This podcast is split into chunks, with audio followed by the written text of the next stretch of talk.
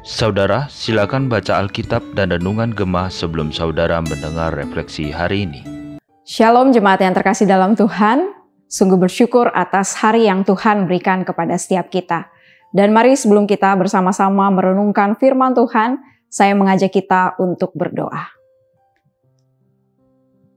Ya Tuhan, ya Allah Roh Kudus, biarlah lewat firman Tuhan yang kami akan bersama-sama renungkan, biarlah kami dapat juga merefleksikannya ya Tuhan. Sehingga rindu lewat kebenaran-Mu yang sama-sama kami dapatkan di hari ini ya Tuhan, biarlah itu yang juga boleh semakin membentuk kami sebagai murid-murid-Mu untuk hidup di dalam menyenangkan dan memuliakan Engkau. Kami serahkan waktu ke depan ke dalam tangan-Mu, biarlah Engkau yang memberkati. Dalam nama Tuhan Yesus kami berdoa. Amin. Firman Tuhan pada hari ini terdapat dari Yehezkiel 33. Mari bersama-sama kita membaca akan keseluruhan daripada pasal ini, tetapi di dalam bagian ini saya akan membacakan ayat 1 sampai yang ke-6, lalu ayatnya yang ke-33. Tugas Yehezkiel sebagai penjaga, ayat 1 sampai yang ke-6.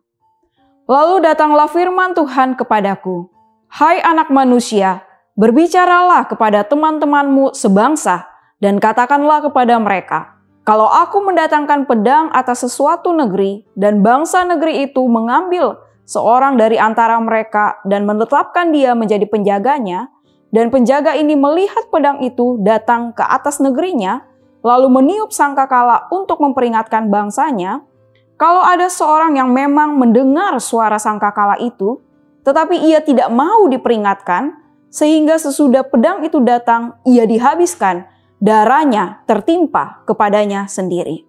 Ia mendengar suara sangkakala, tetapi ia tidak mau diperingatkan, darahnya tertimpa kepadanya sendiri.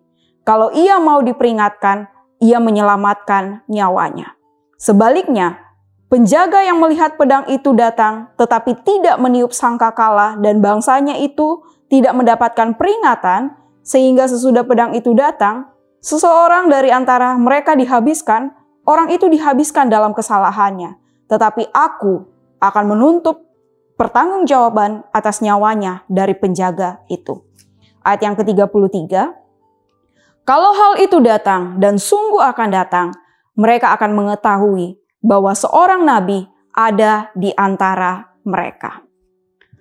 Jemaat yang terkasih dalam Tuhan, paling sulit kalau orang itu sudah asik sendiri ataupun ia bersikap bebal sehingga mencari cara untuk tidak mau mendengarkan.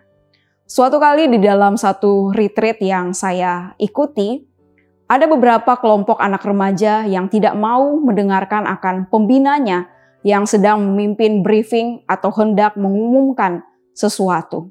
Karena tidak didengarkan, bahkan berulang kali menyampaikan pengumuman dan dengan wajah yang memerah, pada akhirnya pembina tersebut menghampiri satu persatu kelompok yang tidak mau mendengarkan dan berkata, kalau lagi briefing, tolong didengarin.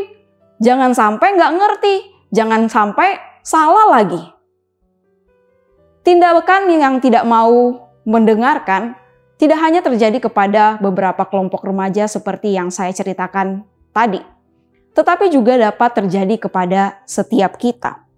Apalagi kalau kita sudah asik sendiri ataupun bersikap bubal terhadap uh, kebenaran firman Tuhan, sehingga kita tidak mau mendengarkan. Umat Allah di dalam konteks Nabi Yehezkiel pun demikian. Berulang kali Nabi Yehezkiel menyampaikan akan firman Tuhan, tetapi mereka tidak mau mendengarkan.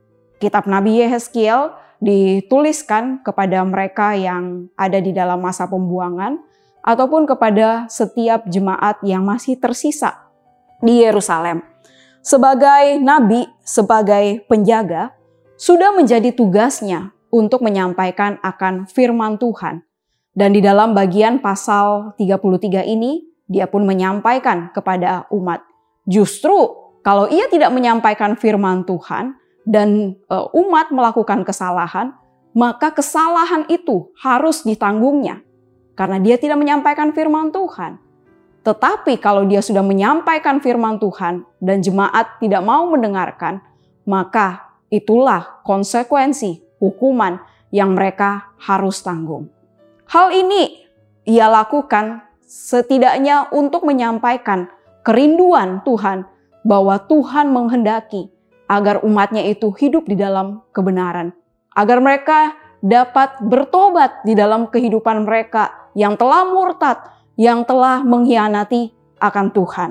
Dan di sinilah Nabi Yeskiel sebagai penjaga menyampaikan akan berita, akan kebenaran firman Tuhan kepada setiap mereka. Setelah sekian panjang menyampaikan firman Tuhan dari pasal 1 sampai 32 dan di pasal 33 inilah memulai akan bagaimana Nabi Yehezkiel yang menyampaikan kalau umat mau mendengarkan akan firman Tuhan, maka janji pengharapan yang daripada Tuhan akan diberikan kepada setiap mereka. Memang saat kita menyelidiki akan keseluruhan daripada pasal 33 ini, ada umat yang tidak mau mendengarkan akan firman Tuhan, di mana mereka yang tersisa di Yerusalem yang menyatakan bahwa mereka adalah umat pilihan Allah dan sudah tentu tanah Yerusalem akan menjadi milik mereka. Mereka menyampaikan akan hal ini dengan tidak menyadari bahwa mereka sudah murtad di hadapan Tuhan. Dan di dalam pasal 33 ini ada diceritakan tentang kejatuhan Yerusalem, di mana di sinilah yang menegaskan kepada Nabi Yehezkiel bahwa apa yang sudah dia sampaikan kepada umat adalah benar adanya.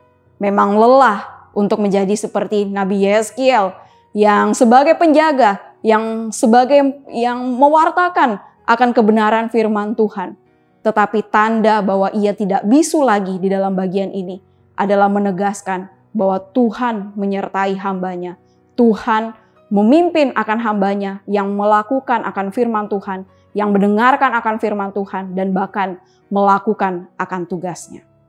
Maka jemaat yang terkasih dalam Tuhan, dalam bagian ini, apa yang dapat kita refleksikan?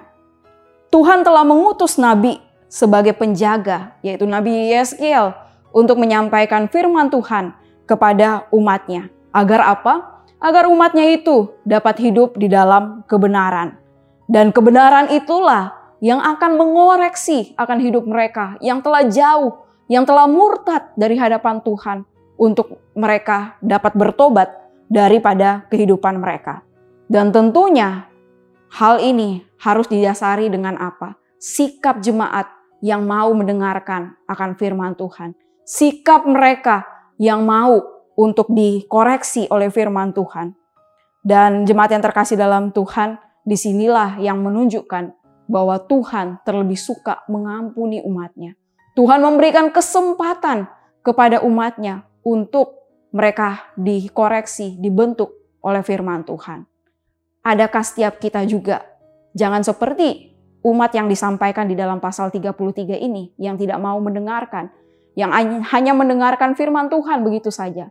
Tetapi adakah kita bersikap rendah hati, bersikap mau mendengarkan firman Tuhan dan biarkan, membiarkan firman Tuhan itu mengoreksi akan hidup kita untuk semakin bertobat, hidup di jalan firman Tuhan. Biarlah firman Tuhan ini yang juga boleh menolong setiap kita. Mari bersama-sama kita berdoa. Ya Tuhan, terima kasih untuk firman-Mu yang diberitakan kepada setiap kami. Tolong kami ya Tuhan, supaya hidup dengar-dengaran kepada apa yang menjadi kebenaran firman-Mu. Dan rindu di dalam tuntunan-Mu ya Allah Roh Kudus, biarlah hidup kami boleh sesuai dengan apa yang menjadi kebenaran-Mu. Kalau kami telah jauh, Tolonglah kami ya Tuhan untuk kembali kepadamu, untuk dapat bertobat, sehingga rindu ya Tuhan, sebagaimana janji penghiburanmu kepada umat yang mau mendengarkan firmanmu.